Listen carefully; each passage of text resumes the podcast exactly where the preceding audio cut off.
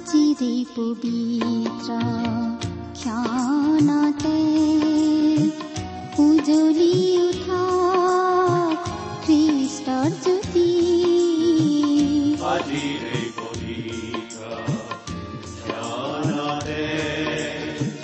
উজ্বলি উঠ খ্ৰীষ্টৰ জ্যোতি আকাশ বতাহ মুখৰিত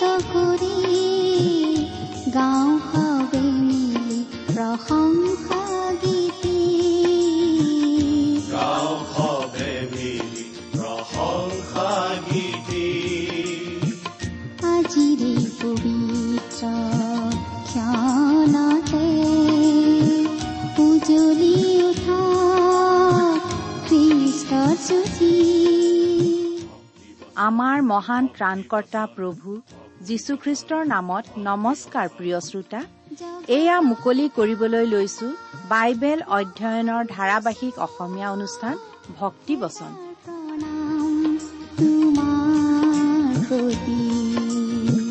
জগতৰ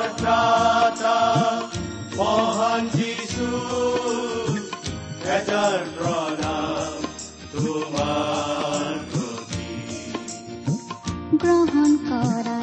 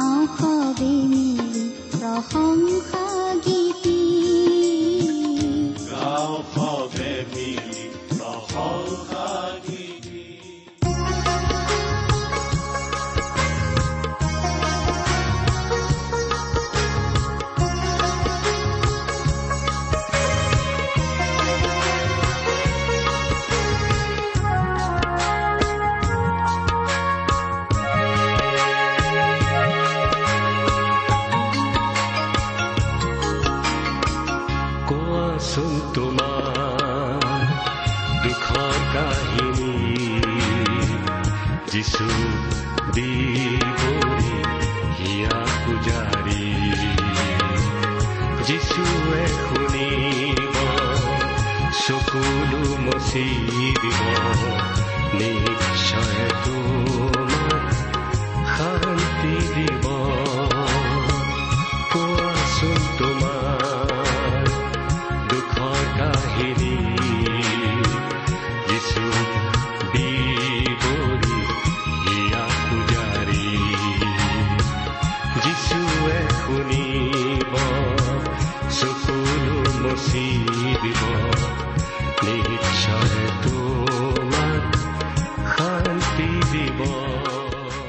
আমাৰ মহান ত্ৰাণকৰ্তা প্ৰভু যীশুখ্ৰীষ্টৰ নামত নমস্কাৰ প্ৰিয় শ্ৰোতা।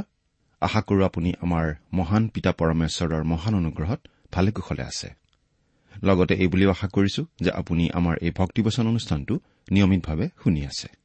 আমাৰ বহুতো শ্ৰোতাই আমালৈ চিঠি পত্ৰ লিখি থাকে আৰু এই অনুষ্ঠান শুনি তেওঁলোকে উপকৃত হোৱা বুলিও আমাক জনায় আৰু তেনেকুৱা চিঠিবোৰে আমাক কাম কৰি যাবলৈ যথেষ্ট উৎসাহ যোগায়। আপুনিও আমালৈ দুষাৰিমান লিখি পঠিয়াবচোন। এই অনুষ্ঠান সম্বন্ধে আপোনাৰ মতামত জনাই দুষাৰিমান আজিয়ে লিখি নপঠিয়াই কিয়? আমাৰ ঠিকনা?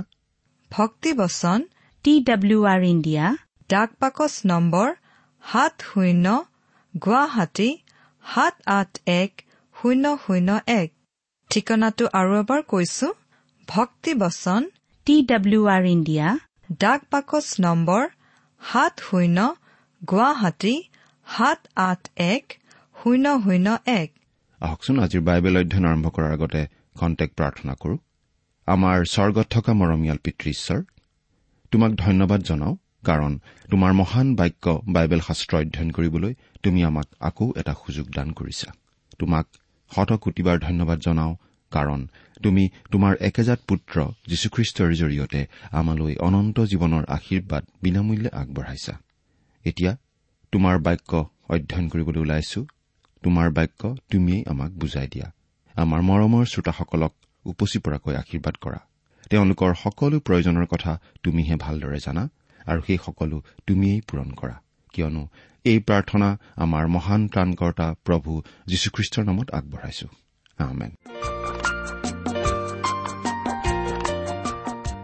প্ৰিয় শ্ৰোতা আপুনি বাৰু আমাৰ এই ভক্তিবচন অনুষ্ঠানটো নিয়মিতভাৱে শুনি আছেনে? যদিহে শুনি আছে তেতিয়াহ'লে আপুনি নিশ্চয় জানে যে আমি এতিয়া বাইবেলৰ পুৰণি নিয়ম খণ্ডৰ দানিয়েল ভাৱবাদীৰ পুস্তক নামৰ পুস্তকখন অধ্যয়ন কৰি আছো আৰু ইতিমধ্যে আমি এই পুস্তকখন অধ্যয়ন কৰি বহুদূৰ আগবাঢ়ি আহিছো। যোৱা অনুষ্ঠানত আমি এই পুস্তকখনৰ দহ নম্বৰ অধ্যায়ৰ শেষৰটো পদলৈকে পঢ়ি আলোচনা আগবঢ়াইছিলো নহয়নে বাৰু? গতিকে আজি আমি এই দানিয়েল পুস্তকখনৰ এঘাৰ নম্বৰ অধ্যায়ৰ এক নম্বৰ পদৰ পৰা আমাৰ আলোচনা আগবঢ়াব খুজিছো। আপুনি বাৰু আপোনাৰ বাইবেলখন মেলি লৈছেনে? প্ৰিয় শ্ৰোতা আমি এতিয়া দানিয়েলে দেখা এটা বিশেষ দৰ্শনৰ বিষয়ে পঢ়ি আছো। নহয় জানো? দহ নম্বৰ অধ্যায়ৰ পৰা বাৰ নম্বৰ অধ্যায় পৰ্যন্ত আমি দানিয়েলে দেখা একেটা দৰ্শনৰ কথাই পঢ়িবলৈ পাওঁ। গতিকে এঘাৰ নম্বৰ অধ্যায়ৰ কথাখিনি দহ নম্বৰ অধ্যায়ৰ কথাখিনিৰেই পৰৱৰ্তী ভাগ বুলি আমি ক'ব পাৰোঁ। এই এঘাৰ নম্বৰ অধ্যায়টো অতি গুৰুত্বপূৰ্ণ অধ্যায় কাৰণ দানিয়েলে ন নম্বৰ অধ্যায়ত দেখিবলৈ পোৱা সত্তৰ সপ্তাহৰ কথাখিনিৰ বহুখিনি কথা এই এঘাৰ নম্বৰ অধ্যায়ত আমি বুজি পাওঁ। এই কথাখিনি বিশেষভাৱে দানিয়েলৰ নিজৰ লোক অৰ্থাৎ ইছৰাইল জাতিৰ সৈতে জড়িত। সাত নম্বৰ অধ্যায়ত দেখিবলৈ পোৱা জন্তুকেইটাৰ দৰ্শন আৰু দুই নম্বৰ অধ্যায়ত বহু ধাতুৰে নিৰ্মিত মূৰ্তিটোৱে বুজোৱা সাম্ৰাজ্য চাৰিখনৰ মাজৰ বহুতো কথা বিশেষকৈ শেষৰ তিনিখন সাম্ৰাজ্যৰ মাজৰ বহুতো কথাৰ মাজত ইয়াৰ কিছুমান কথা খাপ খাই পৰে। এই অধ্যায়টোৰ কথাখিনি অতি গুৰুত্বপূৰ্ণ আছিল বাবেই দানিয়েলৰ আগত এই কথাবোৰ জনাবলৈ অহা স্বৰ্গদূতজনক ছয়তানে বাধা দিবলৈ চেষ্টা কৰিছিল। কাৰণ এই কথাখিনি আছিল সেই দুখন সাম্ৰাজ্যৰ সৈতে জড়িত যি দুখন সাম্ৰাজ্য দানিয়েলৰ স্বজাতীয় লোকবিলাকৰ ক্ষেত্ৰত অতি গুৰুত্বপূৰ্ণ আছিল আৰু সেই সাম্ৰাজ্য দুখন হৈছে পাৰস্য আৰু গ্ৰীক সাম্ৰাজ্য। এই এঘাৰ নম্বৰ অধ্যায়টোৰ আন এটা গুৰুত্বপূৰ্ণ কথা এয়েই যে ই পুৰণি নিয়ম আৰু নতুন নিয়মৰ মাজৰ সময়খিনিৰ অলপ আভাস আমাক দিয়ে। নতুন নিয়ম আৰু পুৰণি নিয়মৰ মাজৰ সময়ছোৱাক প্ৰায়েই নীৰৱ সময় বুলি কোৱা হয়। কিন্তু আচলতে এই কথা সম্পূৰ্ণ শুদ্ধ নহয়। এই সময়খিনি আচলতে ইছৰাইল জাতিৰ বাবে অতি দুখ কষ্টৰ সময় আছিল। তেওঁলোকে ছিৰিয়া আৰু মিছৰ দুয়োখন দেশৰ হাতত নানা ধৰণৰ দুখ কষ্ট সহন কৰিবলগীয়া হৈছিল।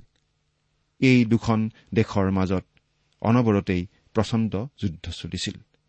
আৰু দেশ দুখনৰ সৈন্যবাহিনী ইছৰাইল দেশখনৰ মাজেদি বাৰে বাৰে অহা যোৱা কৰিছিল আৰু ইছৰাইল জাতিয়ে কষ্টভোগ কৰিব লগা হৈছিল।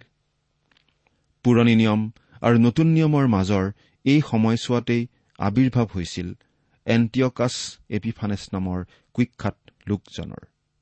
তেওঁ আচলতে ভৱিষ্যতে আহিবলগীয়া খ্ৰীষ্টাৰীৰ এখন আগতীয়া ছবি এটা আগতীয়া ৰূপ।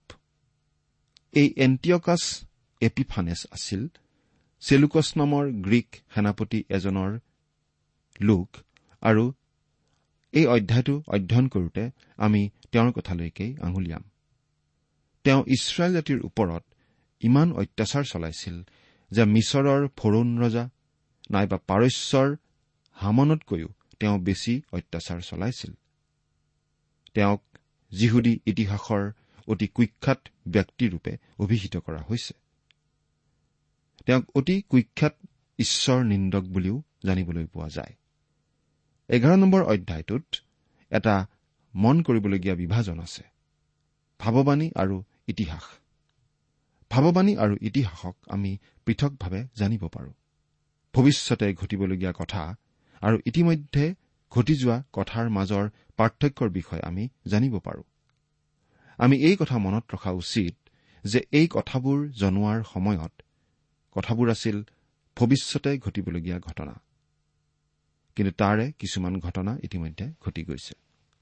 ইয়াত থকা ভাৱবাণীখিনি অলপ জটিল আৰু সাধাৰণ মানুহে বুজাতকৈ অলপ গভীৰ। বেছিভাগ মানুহেই আচলতে ভাৱবাণীৰ চমক লগোৱা কথাবোৰ জানিবলৈ ভাল পায়। কিন্তু তাৰ মাজেদি আচলতে কি কবলৈ বিচৰা হৈছে সেই কথা জানিবলৈ ঈশ্বৰৰ বাক্যৰ গভীৰতম ঠাইলৈ তেওঁলোক যাব নোখোজে। কিন্তু যদিহে আপুনি ভাৱবাণী গভীৰভাৱে আৰু বিশদভাৱে আলোচনা কৰি ভাল পায় ভাৱবাণীৰ গভীৰ অধ্যয়ন আপুনি উপভোগ কৰে তেতিয়াহ'লে ঈশ্বৰৰ বাক্যৰ এই গুৰুত্বপূৰ্ণ অংশখিনি অৰ্থাৎ দানিয়েলৰ এই এঘাৰ নম্বৰ অধ্যায়ৰ কথাখিনি পঢ়ি আপুনি বেছ ভালেই পাব। এই ভাৱবাণীখিনিয়ে মাডিয়া পাৰ্চী আৰু গ্ৰীকসকলৰ সাম্ৰাজ্যৰ মাজত এখন সেতু গঢ়ি দিয়ে বুলি আমি ক'ব পাৰোঁ। এছিয়াৰ পৰা ইউৰোপলৈ এখন সাকু ইয়াত আমি দেখিবলৈ পাওঁ। বিশ্ব শক্তি এখন মহাদেশৰ পৰা আন এখন মহাদেশলৈ প্ৰাচ্যৰ পৰা পাশ্চাত্যলৈ স্থানান্তৰিত হোৱা কথা আমি ইয়াত পাওঁ। এই কথাটো মনত ৰখা উচিত যে এই ভাৱবাণী আচলতে দানিয়েলৰ স্বজাতীয় লোক অৰ্থাৎ ইছৰাইল জাতিৰ সৈতে জড়িত। এই কথাখিনি ইছৰাইল জাতিৰ বাবে বিশেষভাৱে গুৰুত্বপূৰ্ণ আছিল কাৰণ তেওঁলোক এই বিভিন্ন শক্তিসমূহৰ মাজত পৰি চেপেটা হ'ব লাগিব। এই সময়ছোৱা তেওঁলোকৰ বাবে অতি দুখ যন্ত্ৰণাৰ সময় হ'ব। এই বুলি এই ভাৱবাণীত আমি পাওঁ। এতিয়া বাইবেলৰ পৰা পাঠ কৰি দিব খুজিছো। এঘাৰ নম্বৰ অধ্যায়ৰ এক নম্বৰ পদ। দানিয়েল এঘাৰ নম্বৰ অধ্যায়ৰ এক নম্বৰ পদ। পাঠ কৰি দিম। আৰু মাডিয়া ডেৰিয়া বছৰ ৰাজত্বৰ প্ৰথম বছৰত ময়েই তেওঁক সুস্থিৰ আৰু সবল কৰিবলৈ থিয় হৈছিলো। এই কথা কৈছে সেই স্বৰ্গদূতজনে। ইয়াত কথা কৈ থকা সেই স্বৰ্গদূতজন দানিয়েলৰ আগলৈ আহিছিল। আৰু দানিয়েলক এই কথাবোৰ তেওঁ জনাই আছিল। এয়া দহ নম্বৰ অধ্যায়ত পোৱা কথাই আচলতে ইয়াত চলি আছে। সেই স্বৰ্গদূতজন হয়তো গাব্ৰিয়েলো হ'ব পাৰে। তেওঁৰ নামটো আমাক জনাই দিয়া হোৱা নাই। এয়া আছিল দৰিয়াবছ ৰজাৰ ৰাজত্বৰ সময়। আৰু এই সময়তেই দানিয়েলক সিংহৰ হাতত সোধাই দিয়া হৈছিল। সিংহৰ গাঁতত পেলাই দিয়া ঘটনাটো ঘটিছিল। কিন্তু দৰিয়াবছ ৰজাই দানিয়েলক বচাবলৈ বৃথা চেষ্টাও কৰিছিল। কিন্তু তেওঁ নিজে জাৰি কৰা ৰাজ আজ্ঞাৰ বন্ধনত পৰি নিৰূপায় হৈছিল। তথাপি তেওঁ দানিয়েলক এই বুলি কৈছিল তুমি যিজনা ঈশ্বৰৰ সেৱা আৰাধনা কৰা তেওঁই তোমাক ৰক্ষা কৰিব। স্বৰ্গদূতজনে কৈছে ময়েই তেওঁক সুস্থিৰ আৰু সবল কৰিবলৈ থিয় হৈছিলো। অৰ্থাৎ দৰিয়াবছ ৰজাক বিশ্বাসত সবল আৰু দৃঢ় কৰাত সহায় কৰিছিল সেই স্বৰ্গদূতেই তেওঁৱেই দানিয়েলক সান্তনা দিছিল আৰু সহায়ো কৰিছিল। আৰু আপোনাৰ নিশ্চয় মনত আছে যে সেই সিংহৰ গঁড়ালৰ পৰা উদ্ধাৰ পোৱা দানিয়েলে এই বুলি কৈছিল মোৰ প্ৰভু পৰমেশ্বৰে তেওঁৰ দূত পঠিয়াই সিংহবোৰৰ মুখ বন্ধ কৰিলে। গতিকে এই দৰ্শনৰ কথাখিনি ইতিহাসৰ সেই সময়খিনিৰ সৈতে খাপ খাই পৰে। লগতে ইয়াত পোৱা আন আন কথা কিছুমানে পুৰণি নিয়ম আৰু নতুন নিয়মৰ মাজৰ সময়ছোৱাৰ কথাও আমাক জনায়। দুই নম্বৰ পদ সেয়ে যি হওক এতিয়া মই তোমাক সত্য কথা জনাওঁ। চোৱা পাৰস্য দেশত আৰু তিনিজন ৰজা উৎপন্ন হ'ব। পাছে চতুৰ্থ ৰজা সকলোতকৈ অধিক ধনবান হ'ব আৰু তেওঁ নিজ ধন সম্পত্তিৰে শক্তিমান হলে সকলোকে জাবন ৰাজ্যৰ বিৰুদ্ধে উচতাব। ইয়াৰ পৰা চৌত্ৰিশ নম্বৰ পদলৈকে এই শাস্ত্ৰাংশখিনি আচলতে আগতেই লিখি থোৱা ইতিহাসৰ এটা চমকপ্ৰদ উদাহৰণ। এই কথাবোৰ পাছত আখৰে আখৰে ফলিয়াইছিল যেন বুৰঞ্জীখন আগতেই লিখি থোৱা হৈছিল। সেইকাৰণে কিছুমান সমালোচকে ক'ব খোজে যে এই ঘটনাবোৰ ঘটি যোৱাৰ পাছতহে কোনোবাই এই কথাবোৰ লিখিছিল। কিন্তু আমি জানো এয়া আছিল ঈশ্বৰৰ পৰা অহা ভাৱবাণী। আৰু সেইবাবে এইবোৰ কথা আখৰে আখৰে ফলিয়াইছিল এই এঘাৰ নম্বৰ অধ্যায়টোত পোৱা ভাৱবাণীবোৰ ইমান বিশদভাৱে আৰু পুংখানুপুংখভাৱে দিয়া আছে আৰু ইমান সঠিকভাৱে সেইবোৰ ফলিয়াইছে যে সাধাৰণ মানুহে ঈশ্বৰ বিশ্বাস নকৰা মানুহে সেইবোৰ ঘটনা ঘটাৰ আগতেই কথাবোৰ লিখা হৈছিল বুলি মানি ল'বলৈ টান পায়। তেনেকুৱা মানুহবিলাকে ক'ব খোজে যে এই ঘটনাবোৰ সঁচা সঁচিকৈ ঘটি যোৱাৰ পাছতহে এইবোৰ লিপিবদ্ধ কৰা হৈছিল। এনেধৰণৰ মন্তব্য আগবঢ়োৱা সমালোচকসকলক আমি আচলতে অতি ঠেক মনৰ মানুহ বুলিহে ক'ব লাগিব। তেওঁলোকে নিজকে উদাৰপন্থী বুলি হয়তো চিনাকি দিব পাৰে। কিন্তু তেওঁলোকে ঈশ্বৰৰ বাক্যৰ বিষয়ে অতি ঠেক মনোবৃত্তি এটাহে ৰাখে। অলপো বহল মনৰ লোক তেওঁলোক নহয়। এই বিষয়ে এজন বিখ্যাত লোকে এটা ঘটনা এনেদৰে বৰ্ণাইছে। তেওঁক এবাৰ এজন লোকে এনেদৰে কৈছিল। মহাশয় মই আপুনি প্ৰচাৰ কৰা ৰেডিঅ' অনুষ্ঠানটো মাজে মাজে শুনো। তেওঁ এনে ভাৱত কথাখিনি কৈছিল যেন সেই অনুষ্ঠান শুনি তেওঁ কিবা অনুগ্ৰহহে দেখুৱাইছে। তাৰ পাছত তেওঁ এই বুলি কৈছিল আপুনি ভাৱবাণী গ্ৰহণযোগ্য বুলি মানে যেন অনুমান হয়। উদাহৰণস্বৰূপে দানিয়েল পুস্তকখনৰ কথাকেই ধৰক? তেতিয়া সেই বিখ্যাত লোকজনে সেই মানুহজনক প্ৰশ্ন কৰিছিল আপুনিনো কিহৰ ভিত্তিত ক'ব খোজে? যে দানিয়েল পুস্তকখনৰ কথাখিনি আক্ষৰিক অৰ্থত ফলিওৱা নাই? নাইবা এই ঘটনাবিলাক ঘটি যোৱাৰ পাছতহে পুস্তকখন লিখা হৈছিল বুলি? তেতিয়া সেই মানুহজনে এই বুলি উত্তৰ দিছিল।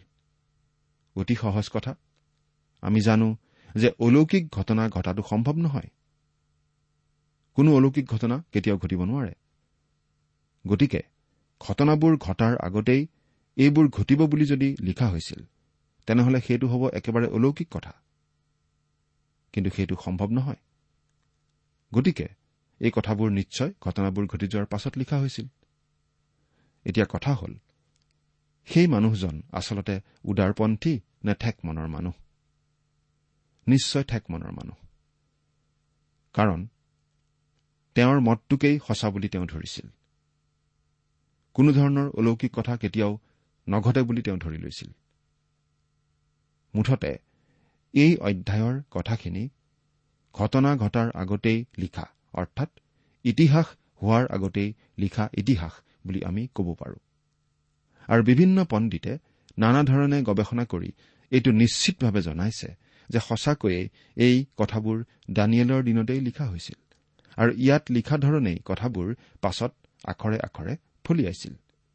তাৰমানে আমি এই বুলিও ক'ব পাৰো যে আমি এতিয়া কিছুমান অলৌকিক কথা অধ্যয়ন কৰিবলৈ আগবাঢ়িছো।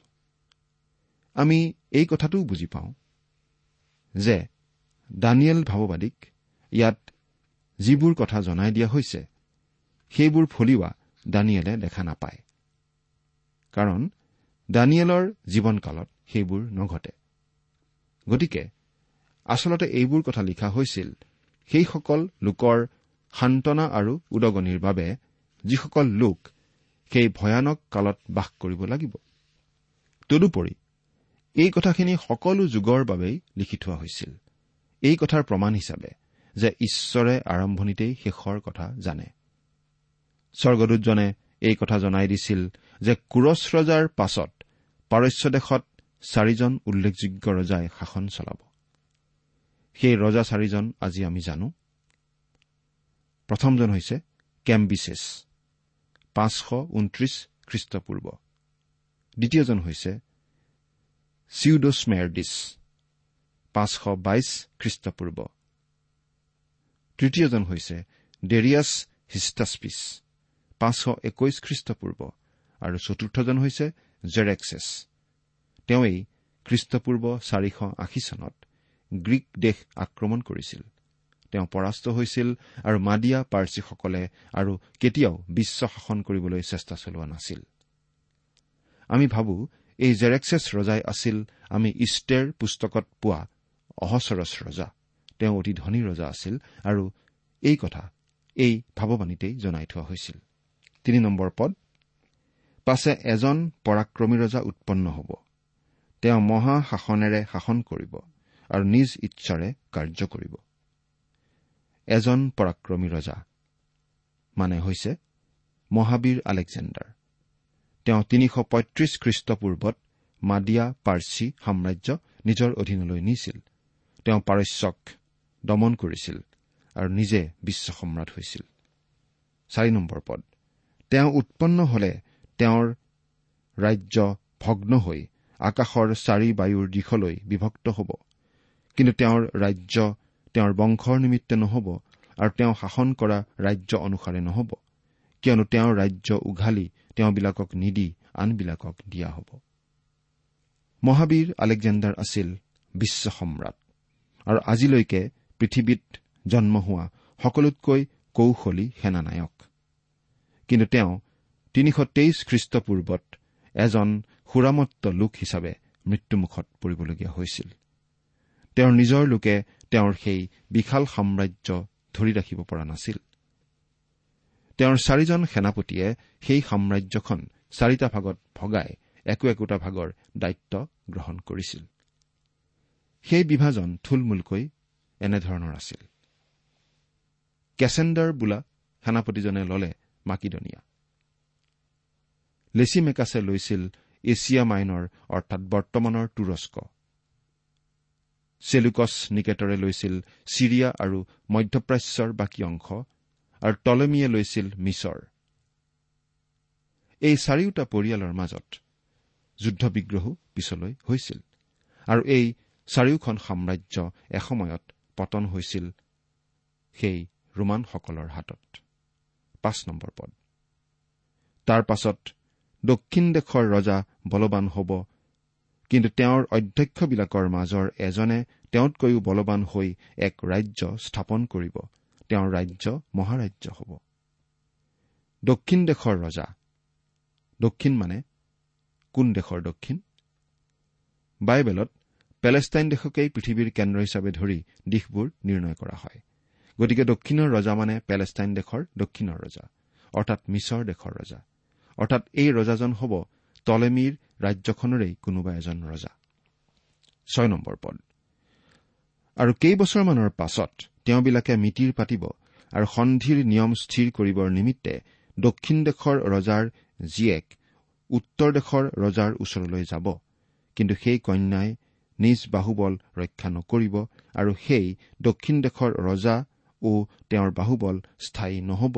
কিন্তু সেই কন্যাক তেওঁক নিয়াবিলাকক তেওঁক জন্ম দিয়াজনক আৰু সেই সময়ত তেওঁক গ্ৰহণ কৰাজনক আপদত সমৰ্পণ কৰা হ'ব। উত্তৰ দেশৰ ৰজা মানে পেলেষ্টাইনৰ উত্তৰ গতিকে চেলুকছৰ বংশৰ কোনোবা এজন হ'ব লাগিব।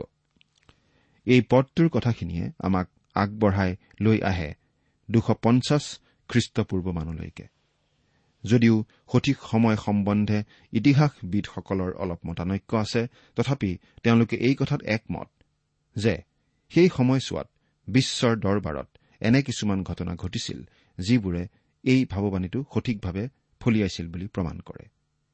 দুয়ো দেশৰ মাজত চলি থকা যুদ্ধ বিগ্ৰহ সাম কটাবৰ কাৰণে মিছৰৰ শাসক টলেমাছ ফিলাডেলফাছে নিজৰ জীয়েক বাৰ্নিছক ছিৰিয়াৰ শাসক এণ্টিয়কাছ থিয়ছলৈ বিয়া দিছিল। এণ্টিয়কাছে ইতিমধ্যেই লাওডিছক বিয়া কৰাইছিল। কিন্তু তেওঁলোকৰ বিবাহ বিচ্ছেদ হৈছিল। দুবছৰ পাছত টলেমি ফিলাডেলফাছৰ মৃত্যু হোৱাত এণ্টিয়কাছ থিয়ছে বাৰ্নিছক এৰি আকৌ প্ৰথম ভাৰ্যা লাওডিছক গ্ৰহণ কৰিছিল। কিন্তু লাওডিছে থিয়ছক বিষ দি মাৰিছিল আৰু বাৰ্নিছ আৰু বাৰ্নিছৰ সন্তানসকলক মৃত্যুদণ্ড দিছিল। তাৰ পাছত লাওডিছে নিজৰ সন্তান চেলুকছ কেলিনিকাছক ৰজা পাতে। এই উত্থান পতনৰ কথাবোৰ কিন্তু দানিয়েলক স্বৰ্গদূতে জনাই দিয়া এই ভাৱবাণীত আগতেই জনাই থোৱা আছিল। এইটো বিশেষভাৱে মন কৰিবলগীয়া কথা। সাত নম্বৰ পদ। তথাপি সেই কন্যাৰ শিপাৰ এটি গজালিৰ পৰা এজন লোক নিজ পদত উৎপন্ন হ'ব। তেওঁ সৈন্য সামন্ত লগত লৈ গৈ উত্তৰ দেশৰ ৰজাৰ দুৰ্গত সোমাব আৰু সিহঁতৰ বিৰুদ্ধে কাৰ্য কৰি জয়ী হ'ব। এয়া আছিল বাৰ্নিছৰ ভায়েক টলেমি ইৱেৰগেটেছ আৰু তেওঁ সসৈন্য আহি ছিৰিয়া অধিকাৰ কৰিছিল আৰু তেওঁ দুৰ্গ অধিকাৰ কৰিছিল আৰু সেই দুৰ্গ আছিল সেই সময়ৰ এণ্টিয়ক বন্দৰ। আঠ আৰু ন নম্বৰ পদ। আৰু সিহঁতৰ ধলা প্ৰতিমাবোৰ আৰু সিহঁতৰ ৰূপ ও সোণৰ অতি সুন্দৰ পাত্ৰবোৰে সৈতে সিহঁতৰ দেৱতাবোৰকো তেওঁ মিছৰলৈ বন্দী কৰি নিব। পাছে কেইবছৰমান উত্তৰ দেশৰ ৰজাৰ পৰা তেওঁ ক্ষান্ত হৈ থাকিব। আৰু সেই ৰজা দক্ষিণ দেশৰ ৰজাৰ ৰাজ্যত সোমাব কিন্তু নিজ দেশলৈ ওলটি যাব। এই কথা পঢ়িবলৈ পোৱা যায় যে টলেমি ইয়ৰ্গেটেছে ছিৰিয়াৰ পৰা মিছৰলৈ লুট কৰি লৈ গৈছিল চাৰি হাজাৰ সোণৰ মুদ্ৰা চল্লিছ হাজাৰ ৰূপৰ মুদ্ৰা আৰু দুহেজাৰ পাঁচশটা মূৰ্তি। গতিকে শাস্ত্ৰৰ এই পদটো কিমান সঠিকভাৱে ফলিয়াইছিল মন কৰকচোন। এতিয়া দহৰ পৰা তেৰ নম্বৰ পদ পাঠ কৰি দিব খুজিছো। তেওঁৰ পুতেকবিলাকে যুদ্ধ কৰিব। অতি অধিক সৈন্যসমূহ গোটাব। সিহঁতে দেশত সোমাই প্লাৱন কৰি দেশৰ মাজেদি যাব। তাৰ পাছত সিহঁতে ওলটি তেওঁৰ দুৰ্গলৈকে যুদ্ধ কৰিব। তাতে দক্ষিণৰ দেশৰ ৰজাই অতিশয় ক্ৰুদ্ধ হৈ যুদ্ধযাত্ৰা কৰি উত্তৰ দেশৰ ৰজাৰ লগত যুদ্ধ কৰিব আৰু তেওঁ অধিক সৈন্যসমূহ গোটাব আৰু সেই সৈন্যসমূহক তেওঁৰ হাতত গতাই দিয়া হ'ব। আৰু সেই অধিক সৈন্যসমূহৰ মন বাঢ়িব তাতে তেওঁৰ সাহ বৃদ্ধি পাব আৰু তেওঁ হাজাৰ হাজাৰ লোকক নিপাত কৰিব কিন্তু পৰাক্ৰমী নহ'ব।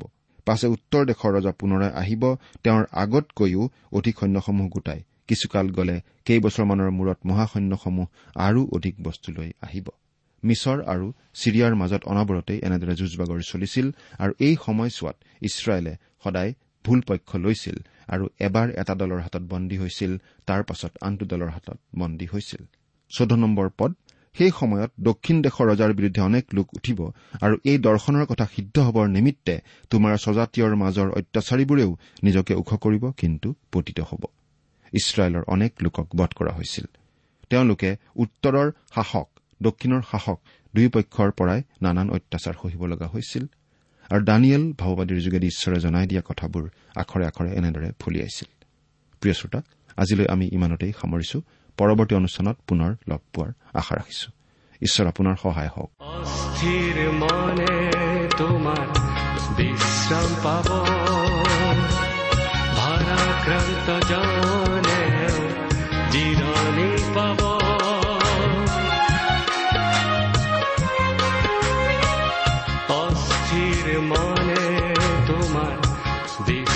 পাব।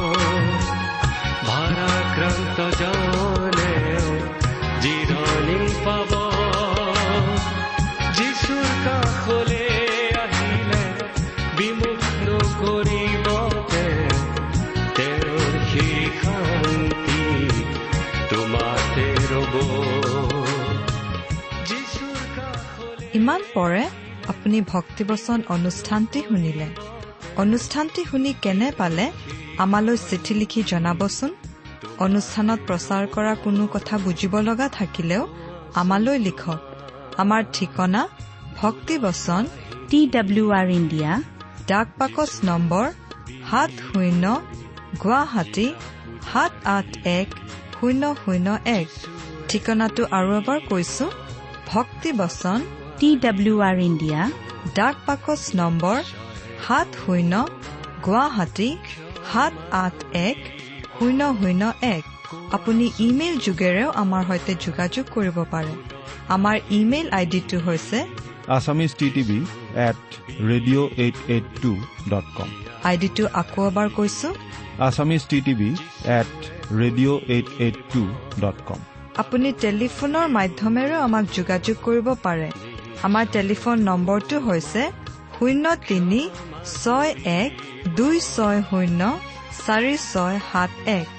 ফোন নম্বৰটো আকৌ এবাৰ কৈছো zero' three six one two six zero' four six seven one আজিৰ অনুষ্ঠানটি ইমানতে সামৰিছো ঈশ্বৰৰ শান্তি আৰু অনুগ্ৰহ আপোনাৰ লগত থাকক ধন্যবাদ অস্থিৰ মনে তোমাৰ বিশ্ৰাম পাব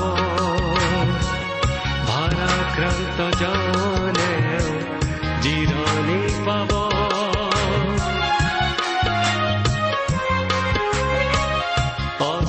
অস্থিৰ মনে তোমাৰ বিশ্ৰাম পাব।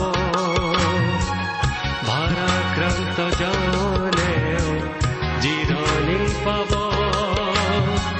পুৰণি জীৱন এৰিলে যিচুৰ চৰণ